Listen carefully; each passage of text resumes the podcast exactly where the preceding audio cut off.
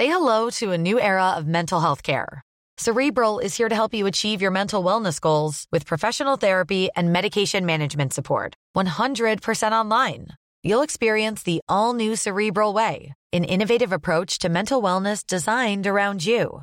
You'll get a personalized treatment plan from a therapist, prescriber, or both in a safe and judgment free space. Your cerebral therapist or prescriber will outline a customized plan with clear milestones along the way so you can get to feeling your best. With Cerebral, you're not alone in your mental health journey.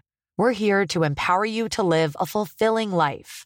So take that first step towards a brighter future and sign up today at cerebral.com slash podcast and use code ACasts to get 15% off your first month. Offer only valid on monthly plans. Other exclusions may apply. Offer ends July 31st, 2024. See site for details. Hey, I'm Ryan Reynolds. At Mint Mobile, we like to do the opposite of what Big Wireless does. They charge you a lot, we charge you a little. So naturally, when they announced they'd be raising their prices due to inflation, we decided to deflate our prices due to not hating you.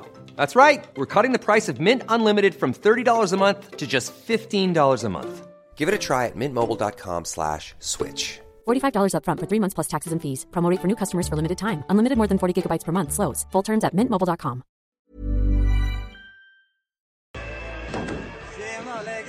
Tjena Felix, vad fan gör du här? Jag ska plåta åt hans snubbar. Är det några resebyråer eller? Ska plåta lagg, svenska lagg. Som om det inte fanns tillräckligt med lagg.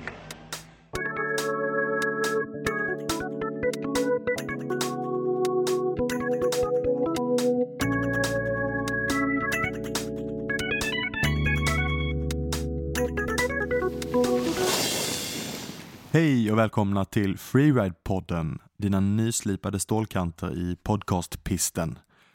Precis som Nalle från Snowroller skvallrade om i inledningen så ska vi prata om skidor idag. Den här poddserien kommer ju innehålla vissa avsnitt med porträtt av kända skidåkare, men även avsnitt där vi nördar ner oss i olika ämnen runt omkring skidåkning. Tittar man i Freerides forum så handlar ungefär varannan tråd om vad man ska tänka på då man köper nya skidor. Därför stack vi till alpingaraget i Stockholm för att snacka både om vad man ska tänka på då man köper skidor, vilka misstag som görs och vad folk brukar fråga om. Men också eh, vilka spännande nyheter som kommer i år. Ett par saker ska vi tänka på innan vi kör igång. Eh, för det första så alpingaraget har inte betalat något för att vara med. Eh, det här är inget reklamavsnitt för dem, utan vi snackar med dem för att de kan sina grejer och de är trevliga att ha att göra med. För det andra eh, så är det alltid lite av ett lotteri när man åker iväg och ska göra en inspelning någon annanstans. Ibland hamnar man i ett knäpptyst rum eh, med så här, typ tyg på väggarna och då låter det rätt bra.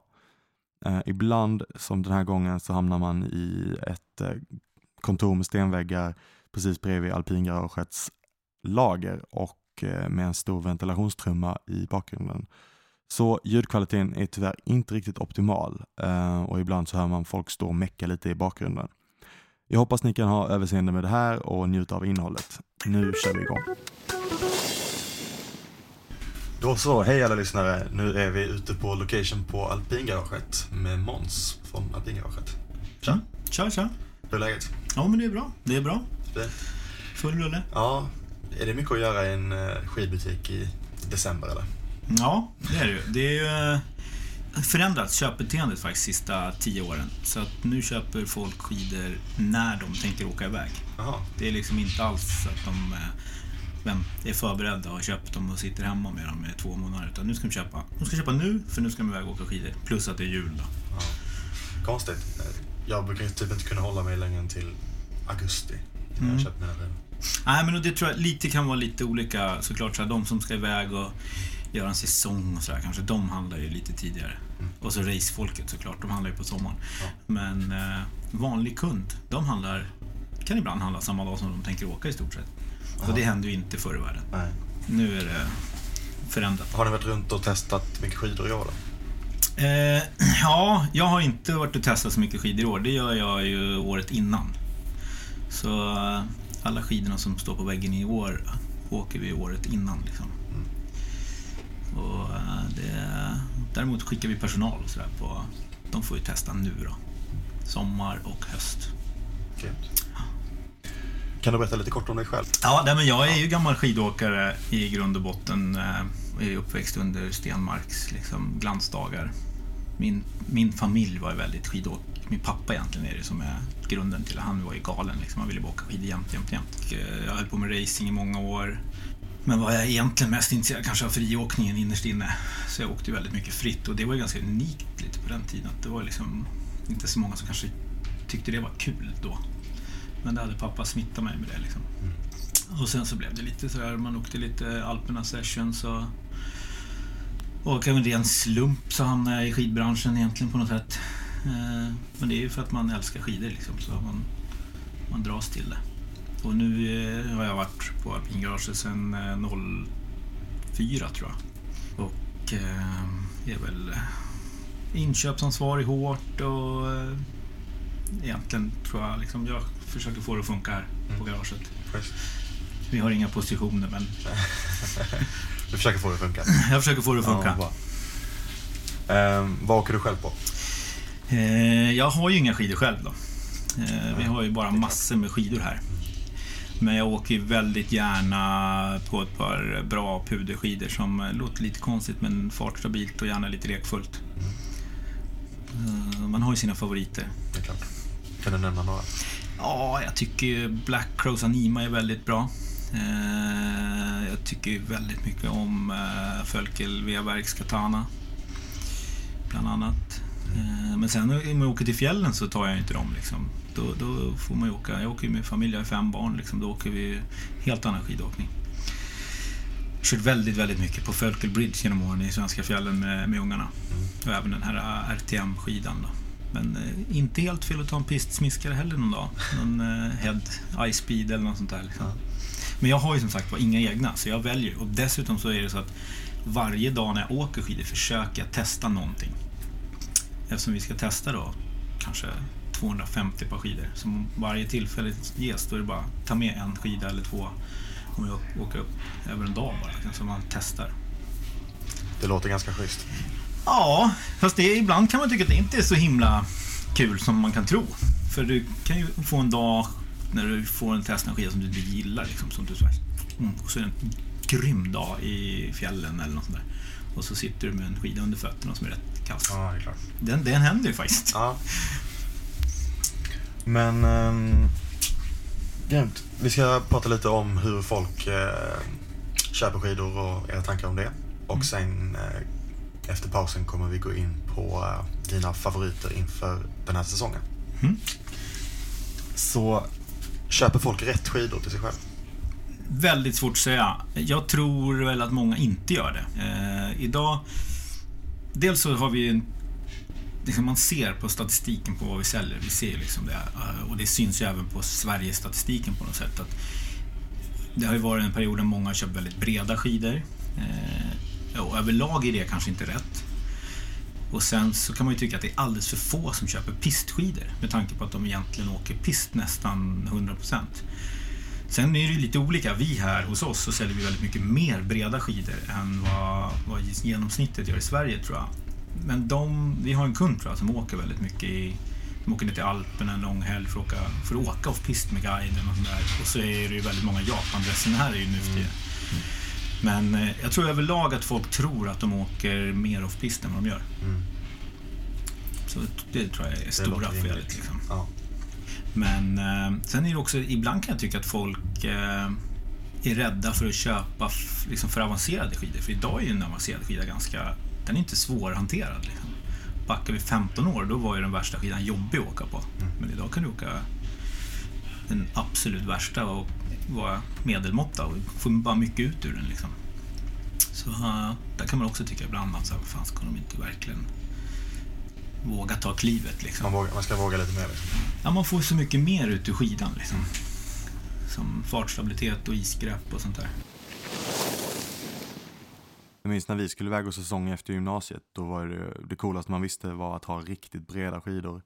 Ehm, Jag var lite avis på mina polare som skaffade sig K2 Hellbent och K2 Pontoon med typ så här 132 mm i midjan.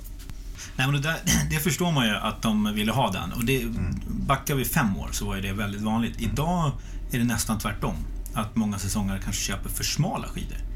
Att de liksom säger ah, man ska ha runt 100. Och så, ja visst. Men du kan ha en 110 som åk, du kan åka liksom väldigt bra överallt med. Eh, och då tappar de ju det där. För det är ändå trots allt, de flesta vill ju ha skidan ska funka optimalt den dagen det är optimalt. Åker ner och säsongar en säsong, då kommer du få x antal sådana dagar. Kanske 10-20 dagar som är perfekt liksom. Lite synd att ha en 110 då, när, eller en 100, när du skulle kunna haft en 112 midja eller vad det kan vara. Liksom. Men man ska inte gå på de här liksom, 135 midjor utan skärning och helt omöjligt att åka pist, för det finns ju sådana också. Ja. Det känns som de har gått ur modet lite. Ja, tillverkarna har ju börjat ta bort dem. Eh, lite synd i vissa fall kan jag tycka. Men eh, det finns ingen marknad för dem längre.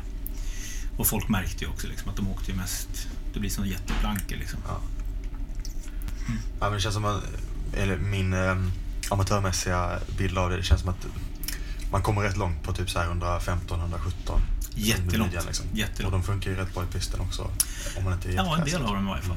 Eh, jättelångt kommer man på det. Eh, Så det, det, det där är rätt. Men det, jag har märkt en del säsongare som liksom köper lite för smala skidor. Och då försöker vi ju bearbeta dem såklart. Men det är, man måste ju välja själv liksom. Ja, klart. Vad är folk mest osäkra på när de ska köpa? Eh, många är väldigt osäkra på just det. Åh, vågar jag ha så bred skida? Det är liksom en väldigt vanlig... Att det känns lite läskigt. Och det kan jag förstå. För de kanske har haft någon kompis som har provat något som är brett.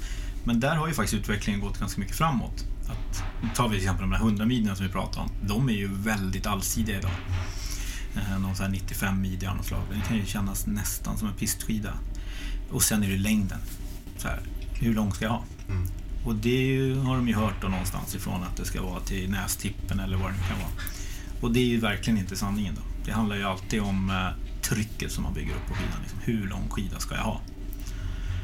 Och det är ju en liten, blir alltid en gissning också för oss i butiken såklart. Men eh, jag brukar säga, det här är ju en liten märklig grundregel kanske. Jag brukar säga, väger du 75 kilo, då bör du av en ungefärlig mittemellanskida, vad man nu ska kalla det för. För det handlar ju om vilken modell det är. Kanske ha en 175 ungefär. Oavsett hur långt du är själv då. Men sen eh, är det ju helt beroende på, är det en kortsvängsskida, en långsvängsskida, är det en eh, puderskida? Det, det, de ska ju vara långa liksom. Men, eh, ska jag köra fort i öppna fält, då måste jag ha en lång skida. Ska jag åka kortsväng i backen i brantpist, då vill jag ha kort skida. Så det där är ju, tyvärr går det inte att säga sådär. Nej. Jag kan ju säga att en del gör fel tycker jag när de ska ha korta puderskidor för att åka skogen. Det kommer tyvärr nästan alltid vara så att den långa skidan är kvickare i snön ändå. För att den bär bättre liksom. Och då tappar de egentligen bara stabilitet när de ska åka på stora öppna fält istället. Vad finns det för fördelar och nackdelar med att köpa lite för kort eller lite för långt? Ja, men en kort skida blir ju smidigare såklart om det är trångt i backen eller om det är pucklar eller eh, om du vill åka korta svängar. Och, den är ju lättare att manövrera överlag. Medan en lång skida blir ju fartstabilare. Eh, det kan också vara så att du upplever en lång skida att den har bättre isgrepp. Eh, det kan bland annat ha att göra med att skidorna görs ju efter... En längre skida är alltid lite hårdare. Så att de längre skidorna är anpassade för en tyngre åkare eller en bättre åkare eller en liksom, starkare åkare. Och då kan den egentligen upplevas som att du får bättre isgrepp på den också. Men eh, de flesta skidåkarna vill ju åka fort. Nästan så här, när man börjar tänka efter så brukar man ju säga, de vill ju ha vinden i håret och det ska liksom kännas lite semiläskigt och allt sånt där. Då är det ju skönt att ha en lång skida. Men å andra sidan om du då hamnar i, där Lundsrappet och Gästrappet möts liksom i, på nyårsveckan, då är det trångt. Då är det skönt med en kort skida. Så det gäller att pricka rätt. Och det handlar ju väldigt mycket om hur duktig du är. Vad hjälper ni till med i skidköpsprocessen? Liksom? Vad är er största roll? Ja, men vi försöker ju verkligen hjälpa dem att hitta en, eh, en skida som ska passa deras skidåkning. Och jag brukar säga att det, det handlar inte om att vi säljer en produkt egentligen, utan vi ska ju sälja någon typ av upplevelse. Som, vad är det de ska kunna få maximalt ut ur sin skidåkning? Och då gäller det ju att verkligen hitta rätt. Och det där är klart att vi kan, kan inte garantera att vi hittar prickar rätt, men det, jag tycker ändå det är rätt sällan som folk liksom verkligen är helt missnöjda och då får man ju lösa det problemet. Men eh, vi brukar försöka liksom ta reda på så mycket vi bara kan om kunden. Sen har ju vi en del stamkunder som man nästan utan att ha sett dem åka skidor har man ju liksom efter tio års tid, man vet ju hur de åker skidor och vet vad de gillar för grejer. Och då kan ju vi, i och med att vi har testat alla de här skidorna, så vet du, ja, men han kommer älska den här. Eller hon kommer gilla den där, eller vad det kan vara. Och så kanske övertalar dem om att nu kan du faktiskt gå ner en längd i den för att den är fartstabilare nu och de har liksom dämpat den lite mer eller vad det kan vara. Men försöka hitta liksom exakt rätt skida till rätt kund. Och vi har ju vi har en djungel. Det är ju så många skidor så att det är nästan svårt för oss själva ibland. Men någonstans där ute borde det finnas en skida som är rätt för just dig. Liksom. Tyvärr så har vi ju nackdelen för oss är att det är svårt att liksom testa för kunden. Då. Men eh, det, jag, tyck, jag tror vi prickar hyfsat bra. Men ibland så är det klart det blir fel. Självklart. Händer det att folk kommer tillbaka med skidor och är missnöjda? Mm. Ja, eh, det är sällan att de kommer tillbaka och är missnöjda. Utan då är det i sådana fall eh, att de kommer och berättar så här, jag kan inte åka på den här, det var inget bra. Och då har de oftast redan innan de gick härifrån fått också en känsla kanske att det är okej. Vi, vi löser problemet på något sätt. Eh, men eh, förhållandevis sällan måste jag säga. Eh, att det, och det, det är klart, det är psykologi bakom det där också lite grann. Att de tror ju verkligen på en produkt. Som de, liksom, de väljer ju alltid själva. Ja, men jag vill ha den skidan. Den tror ju de är den bästa. Liksom, och det, det, oftast så tror de nog det även när de har åkt skidorna. Och förhoppningsvis är det den bästa för just dem. Men det kan man ju aldrig veta. Det bästa är, tycker jag när de har varit uppe och teståkt ordentligt och provat ut något såklart. Liksom. Men det går ju inte. Nej, det går inte, inte alltid. i alla fall. Kan du ge något tips, så här, ganska konkret, som folk inte känner till i allmänhet, men som de skulle behöva veta när de köper skidor? Eh, jag tror att det man ska ha med sig när man ska köpa skidor, det är lite grann så här. Vad har jag åkt på förut? Eh, vad tyckte jag om?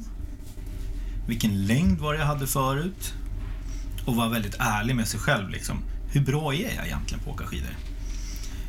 Och eh, då är ju skalan väldigt bred såklart. Liksom. Och, eh, det, det, det, det tror jag är det dummaste man kan säga. Det är nästan ofta att man är sämre än vad man är. Eh, för eh, det är bättre att man tror jag har en lite, lite för bra skida. Och sen tror jag liksom idag är ju så folk så pålästa. De, det är liksom bland annat genom freeride och allting. De får ju reda på allt om skidor och material och så och det är kanske ibland de stirrar sig blinda på. Att ah, men jag vill ha den med den här typen av material. Många kan ju säga nej, vadå det är ingen metall i den här skidan. Nej, den kan jag inte ha. Idag så handlar det ja, vi tycker i alla fall, det handlar väldigt mycket om känsla. Vad är det, hur känns den här skidan att åka på? Och idag kan de ju bygga skidor av alla möjliga olika material som känns på olika sätt.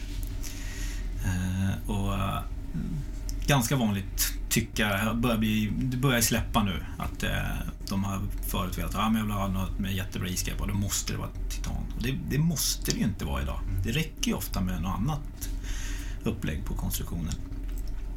Sen så har ju den här lättviktstrenden gjort att det har, eh, många har ju köpt kanske för lätta skidor sista tiden. Som, då blir de ju kanske lite besvikna på prestandan ibland och sådär.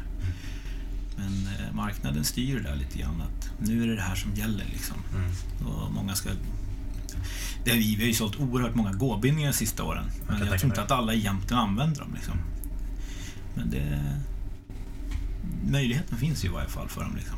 Jag kan eh, anmäla mig som skyldig där. Jag har också ett par gåbindningar. Ja, som, som man inte kanske används har. varje dag. Nej, det, det är rätt vanligt tror jag. Eh, Men, men å andra sidan så har man ju möjligheten att gå då, om man vill.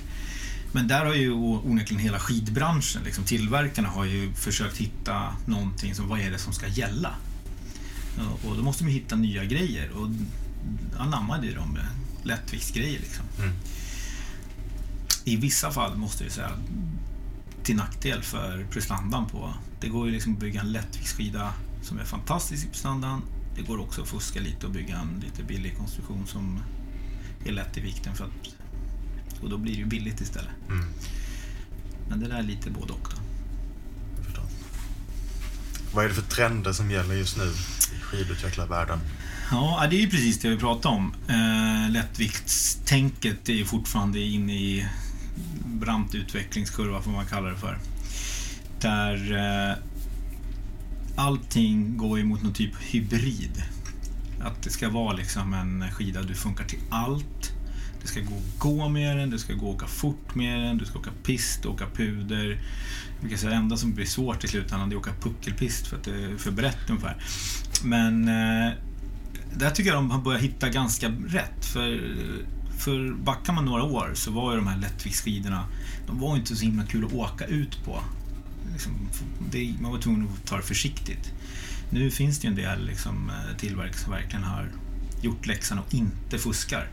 Och då, eh, visst, skidan kanske inte är jättebilliga, går upp något litet snäpp, men de får en prestanda också som håller. Och du kan liksom ligga och köra easypist med grejerna också. Mm. Och det, det hör man även från, man hör det från folk som varit på skidtester nu när de har liksom varit i stenhårt i backarna i december och de bara wow, mm. de funkar liksom att åka pist med. Så lätt, så bred. Det är ju det de håller på med just nu. Jag är spänd på vad som komma skall faktiskt. Mm. Kan du droppa några namn på vem som gör det bra? Ja, jag tycker eh, i år är det några som sticker ut där som liksom har eh, fått jättemycket bra reviews också. Det är ju Salomon då som kom liksom med sin QST-serie som väldigt kommersiell får man kalla den för. Funkar ju till väldigt många folk. Eh, sen tittar man på eh, eh, Fölkel såklart, som är ett stort märke för oss. De eh, har ju inte fuskat någon gång på sina lättviktsskidor. Eh, jag tycker ju att Blizzard gör det väldigt bra. De kommer väl förhoppningsvis komma med något nytt här nu till, som är... Sen har de ju en väldigt, väldigt lätt serie, men den är ju väldigt lätt och då är det klart, där tappar man ju lite prestanda. Men eh, deras skidor är ändå relativt lätta. Och våra svenska extrem... Våra skidfabrikkillarna gör jättefina karbonskidor till exempel, som inte kostar liksom skjortan verkligen, utan de mm. prisvärda grejer. Men eh, det är väl ungefär dem. Det är säkert något till som jag bommar ja. där liksom tänkte typ det här med, som vi var lite inne på med, eh, alltså just själva toppturstrenden. Eller så här, i alla fall för att jag kan tänka mig att det är lite svårare att köpa topptursskidor än bara ett par puderskidor. Eller att man kanske i alla fall är lite mer ovan vid det. Vad ska man tänka på om man köper topptursskidor? Mm. Jag tror... Ett så ska man börja med att rannsaka sig själv. Hur viktigt är uppförsturen och nedförsturen. Vad är det jag egentligen går för? Och ska man vara riktigt ärlig då, vi, vi har ju faktiskt separerat det där lite grann. Att hos oss så har vi alltså, jag går för att åka. Eh, där jobbar vi här. Och sen har ju vi då våran liksom, kompisbutik Alpint där det är mer, jag går för att det är kul att gå.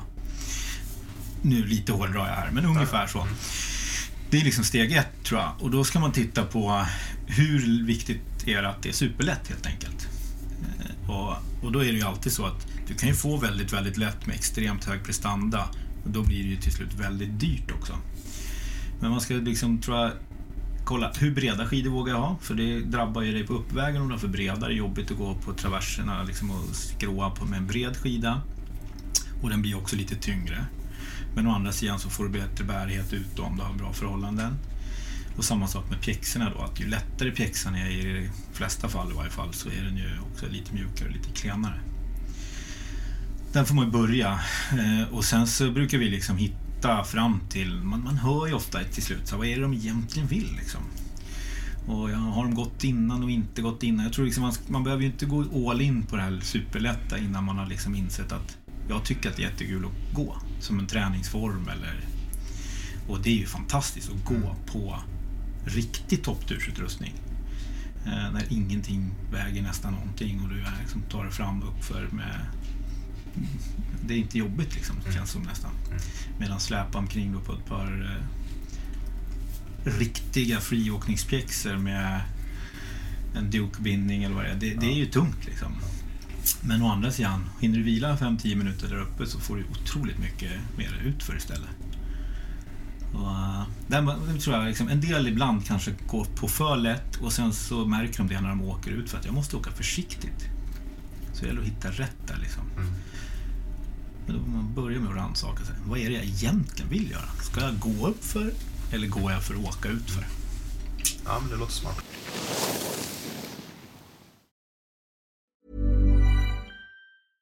Want flexibility? Take yoga. Want flexibility with your health insurance? Check out United Healthcare Insurance Plans. Underwritten by Golden Rule Insurance Company, they offer flexible, budget friendly medical, dental, and vision coverage that may be right for you. More at uh1.com. Say hello to a new era of mental health care. Cerebral is here to help you achieve your mental wellness goals with professional therapy and medication management support. 100% online. You'll experience the all new Cerebral Way, an innovative approach to mental wellness designed around you. You'll get a personalized treatment plan from a therapist, prescriber, or both in a safe and judgment free space. Your cerebral therapist or prescriber will outline a customized plan with clear milestones along the way so you can get to feeling your best. With Cerebral, you're not alone in your mental health journey.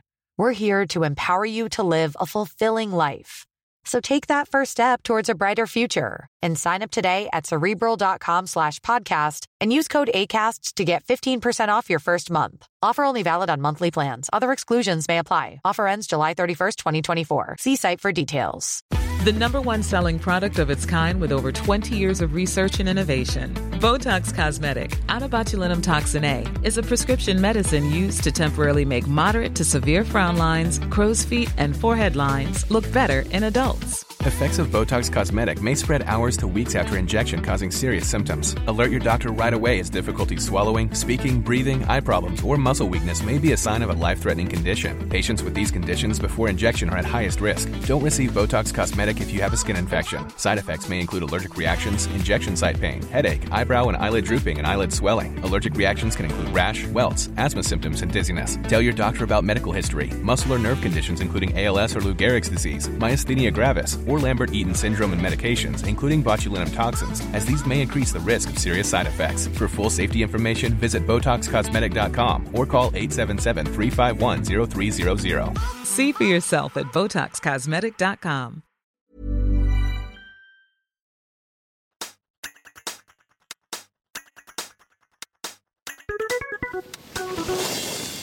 En annan nyhet som inte är just skidor, men, och inte just en nyhet heller kanske, men från förra året i alla fall tror jag, är väl att eh, Dynafit inte längre har patent på täckbindningar. Mm. Så att till exempel Marker har gjort en, en egen variant på den där man har en täckbin- täckbindning där fram och eh, en klassisk bindning där bak som är Marker Kingpin. Ja, eh, det där, vi förvä- jag förväntade mig nästan mer eh, att det skulle hända mycket, mycket mer när de blev släppt, det patentet. Liksom, att de inte var låsta där. Så, men eh, Marker kom ju i varje fall då med, med sin och eh, det finns ju flera aktörer som gör täckbindningar. Men det var ingen som liksom egentligen gjorde något revolutionerande förutom Marker som då gör en bindning som är just i det vi pratar om att den är fortfarande relativt lätt. Det är ju inte superlätt, men den, den är ju ganska lätt faktiskt. Men med bibehållen mer eller mindre prestanda utför. Och vi eh, ser ju att det är det folk vill ha. Eh, och det här är väl ganska svenskt, tror jag, eller nordiskt. Det är ju inte alls samma grej tror jag, nere i Europa och så, utan här uppe så går vi för att åka mycket. Och, och då är ju det en väldigt, väldigt bra produkt. Liksom. Den håller ju i grejerna. Plus att vi har inte så jättebra förhållanden. Det är, ju- det är ju rätt risigt liksom och vindpackat och stenhårt och sådär. Då behöver du någonting som håller i. Ja. Och, och det gör ju den där Kingpin. Så den, den har ju slagit bort rätt mycket annat i, i gåbindningsvärlden överhuvudtaget faktiskt. Okej. I, observera, i Norden. Om vi bara flikar in andra produktkategorier, finns det någon annan eh, speciell nyhet som du tycker är spännande? Allt från goggles till strumpor. Ja, eh, jag tycker att det, det går framåt överlag på många olika plan där med olika segment. Hjälmar har ju liksom rasat iväg sista tiden och det känns som att de gör bättre och bättre hjälmar och det är viktigt tycker jag. Eh, goggles har ju också liksom, de börjar experimentera mycket, mycket mer med olika typer av linser för bra sikt och, och, och sådär. Och sen så går de ju ännu längre och det är liksom hastighetsmätare och sånt där. Men det tror jag är lite fånigt nästan, liksom. det behöver man ju inte ha. Eh, och sen mycket värme, det är liksom värme överallt. Du kan få liksom varma vantar, varma strumpor. Jag tror att det dröjer inte länge innan du kan få liksom kläder som är varma hela vägen. Och en hjälm som håller i lagom temperatur. Och, och så säkerhetsbiten tror jag är liksom det som kommer rusa absolut snabbast framåt med lavinrygger. Och där händer det mycket nu, men det är ju en enormt lång process.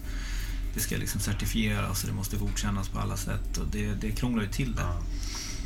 Men det tror jag kommer behöva för i och med att alla då ska gå mer, för det, de går ändå mer, det gör de liksom. Och ska ut och leta puder längre bort ifrån för det är mer konkurrens idag. Så det sker mer olyckor liksom. det, det är farligare där ute. Och eh, den typen av produkt är ju jätteviktig att den utvecklas. Liksom. Ja. Är det några speciella utveckling, utvecklingar på just ryggor? Snarare än, eller annat än att, för det känns som att ABS var tidigare och sen så nu har många försökt integrera det i sina ryggsäckar. Ja, ja men det började ju med, med liksom, eh, ABS med patronerna. Så nu är det ju framtiden kanske är liksom just något annat typ av system med fläktar eller om det är mindre tuber eller vad det nu kan vara. Eh, Jag tror att de kommer hitta ett sätt som är där du inte behöver krångla så mycket med påfyllnader av tuber utan att det, det funkar liksom som det är och du kanske får ladda den då på natten eller hur det nu funkar. Och att det kanske kommer att bli lite billigare mm. om några år. Eh, för de är ju dyra de där produkterna. Men det är ju en eh, grej som jag tycker att man ska. Men jag tror också de kommer att utveckla, det börjar de ju med, med lite grann nu i, liksom, eh, i racevärlden och POC har ju såna här nya ryggskydd med airbags i. Och, och det är inte för laviner utan det är för när du ramlar liksom. Och det är ju lika viktigt det. För att är du där ute i buskarna långt ut och det är brant och stenigt, det, det, man kan ju göra sig illa och då är man ju liksom tyvärr körd ändå. Så det är inte bara lavinerna som är farliga. Och så även liksom själva kunskapen om vad som är att det är farligt och inte farligt. Eh, Sånt är ju viktigt. Det är ju många som eh, kanske inte riktigt tänker sig för där ute. Det är ju en... Tyvärr, om inte, om Tyvärr är inte det så. vore så, Ja. så men skidåkning är farligt också. Ja, tyvärr är det ju så. Vi har ett annat eh, avsnitt där vi pratar med eh, Mårten Johansson Mm. från Åre Lavincenter. Och det, han, var, han var ganska ovillig att prata utrustning för han sa att han får så himla mycket frågor om utrustning. Men han sa att det är inte det som... Det är bara några procent eh, högre överlevnadschans. Ja, det är kunskapen är A och O där tror jag. Eh, och våga ta besluten och liksom eh, erfarenhet och, och verkligen eh, lära sig. Och det kan, du kan lära dig av, eh, av eh, skidkompisar eller vänner som, som är erfarna men det, framförallt så är det klart bergsguiderna vet ju verkligen det här. Vi försöker ju samarbeta med bergsguider där vi har då liksom under hösten kurser som man ska lära sig. och sådär, Men det bästa är ju ofta att åka med någon som verkligen kan det här och som är beredd att berätta för dig medan du åker. Varför, varför då fick vi inte åka där? Nej, just därför det här. Då. Men det tar ju många, många år. Liksom. Och ju mer man lär sig, ju läskigare känns det. Mm, verkligen. Tyvärr. Är det någonting du vill tillägga inom så här, trender eller bra att veta eller något i den stilen? Nej, jag vet inte. Det, det är det säkert. Eh, mer än att jag tycker att det är så kul att det faktiskt hela tiden utvecklas så fort som det gör på skidsidan. Och, eller pjäx. Just nu är ju pjäxorna alltså, en fantastisk utveckling på, men skidor och pjäxor och allt vad det är. Så att det verkligen blir liksom bättre och bättre upplevelser eh, för skidåkaren. För att det var många år när det stod ganska still. Nu är det länge sedan, men det liksom hände inte så mycket på skidsidan. Och då är det inte så roligt. Utan det roliga är ju när det liksom utvecklas och kommer fram och man kan liksom ta sig fram på nya, med nya förutsättningar egentligen. Vad det gäller utrustning i alla fall. Om vi spänner blicken några år framåt, vad tror du är trenden då? Liksom? Har, om, har vi gått ifrån det här med att det ska vara så lätt till någonting annat? Eller vad tror du? Nej, men gissningsvis så kommer det vara väldigt lätt. och jag tror att eh, går vi fram ganska många år så kommer det säkert vara superlätt men med oerhörd prestanda. Och då är frågan, vad är nästa grej då? För till slut kan man ju inte liksom gå lättare. Eh, Och det, jag törs inte säga det alltså, men eh, jag skulle tänka mig att det kan eh, kommer säkert bli så att helt plötsligt är det oerhört poppigt med supercarving i pist igen eller någonting sånt där. Vem vet liksom. Eh, Men eh, jag tror just det här med friåkningen har ju liksom blommat ganska hårt de sista åren och det tror jag liksom, det kommer sitta kvar för folk. Det är ju fantastiskt roligt liksom. Men eh, någonting radikalt kommer de behöva hitta på för skidbranschen, liksom själva alla varumärken, så att de behöver ju att det är någonting nytt hela tiden. Och det är ju lyckligtvis inte upp till oss att hitta på det, men det behövs ju liksom något nytt. Ja, men så är det. kanske blir eh, tillbaks till 70-talet, eller vet jag. Hot dog, hot dog kanske. Okej, men ehm, ska vi ta årets ny, mest spännande nyheter? Mm. Då tycker jag vi kör all in och gör ett litet inslag och sätter på en jingel. Om vi utgår från personen som älskar is, Manchester och riktigt vassa stålkanter, alltså årets mest spännande pistskida. Mm. Ja, och då, jag är ju rädd för att jag egentligen inte kommer eh, presentera en årets nyhet riktigt där. Utan eh, det finns ibland skidor som lever kvar och fortfarande regerar. Eh, men Stöckli har ju en ny konstruktion i varje fall på sina. Och där måste jag säga att Stöckli gör ju fantastiska pistskidor. Eh, de tillsammans med, med Fölkel Code är ju mina absoluta favoriter där. Men den har ju funnits faktiskt förra året också. Men oerhört vassa skidor liksom. Mångsidigt, det är det det handlar om. Ja. Personen som kanske hänger i Sälen en vecka om året men har sett alla skidfilmer och eh, vill kunna åka pist med familjen men inte ha carvingskidor. Alltså lite all mountain. Mm. Eh, All Mountain är ett oerhört brett eh, begrepp idag. Där vi får gå från en typ av 84 midja till 110 ungefär.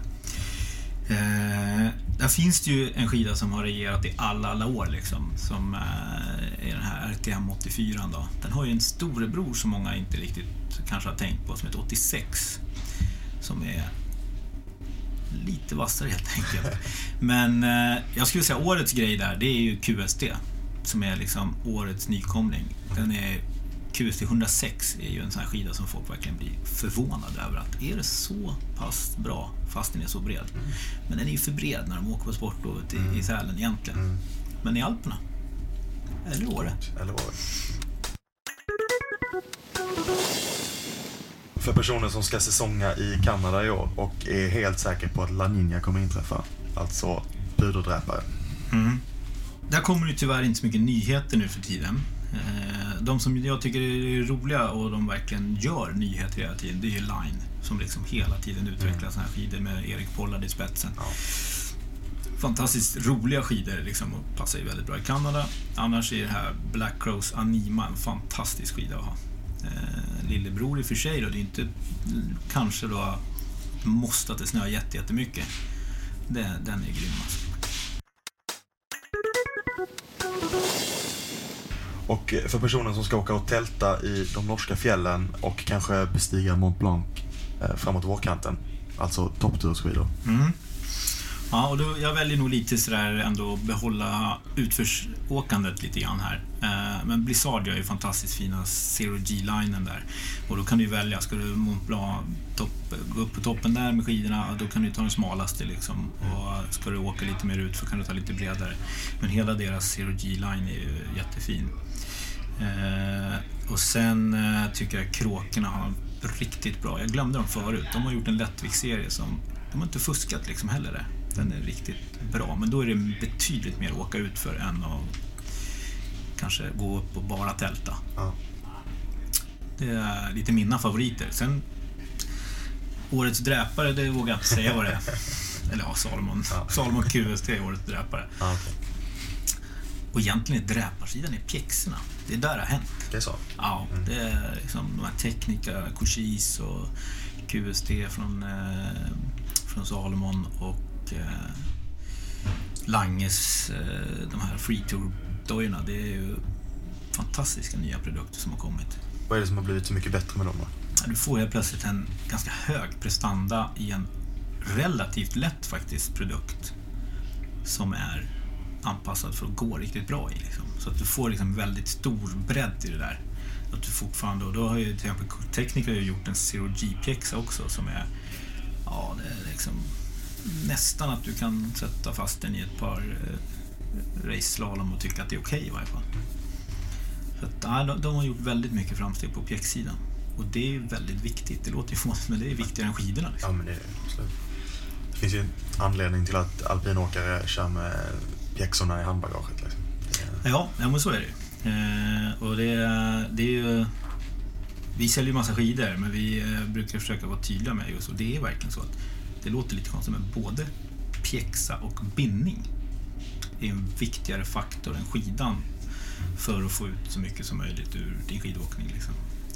Och bindningen glömmer ju ibland folk bort. Liksom, att äh, jag sätter på en bindning bara. Eh, nej, det, det ska man eh, akta sig för lite grann för det kan bli att man har en, för bra, en väldigt bra skida som man inte kan utnyttja till max. Då, liksom. Men det är det som är så kul, att de gör då högre prestanda på lätta produkter som är då, det blir pist, all mountain, freeride, topptur 1 liksom. Och det är väl kanon. Ja. Täcker allt liksom. Slipper man köpa sig hela månaden. Ja, men det är, man kan inte ha tre par pjäxor hemma. Liksom. Eller ja, det kan man väl. Men... Um, Okej, är det någonting du vill tillägga som vi känner att vi har missat? Ja, det är det säkert. Men det finns så mycket att snacka om i den här Ja, världen. Så. verkligen, verkligen. Får ringa. Ring och fråga. Ja, eller komma in. Kom in, Ja. kom in. Så svarar vi på frågorna.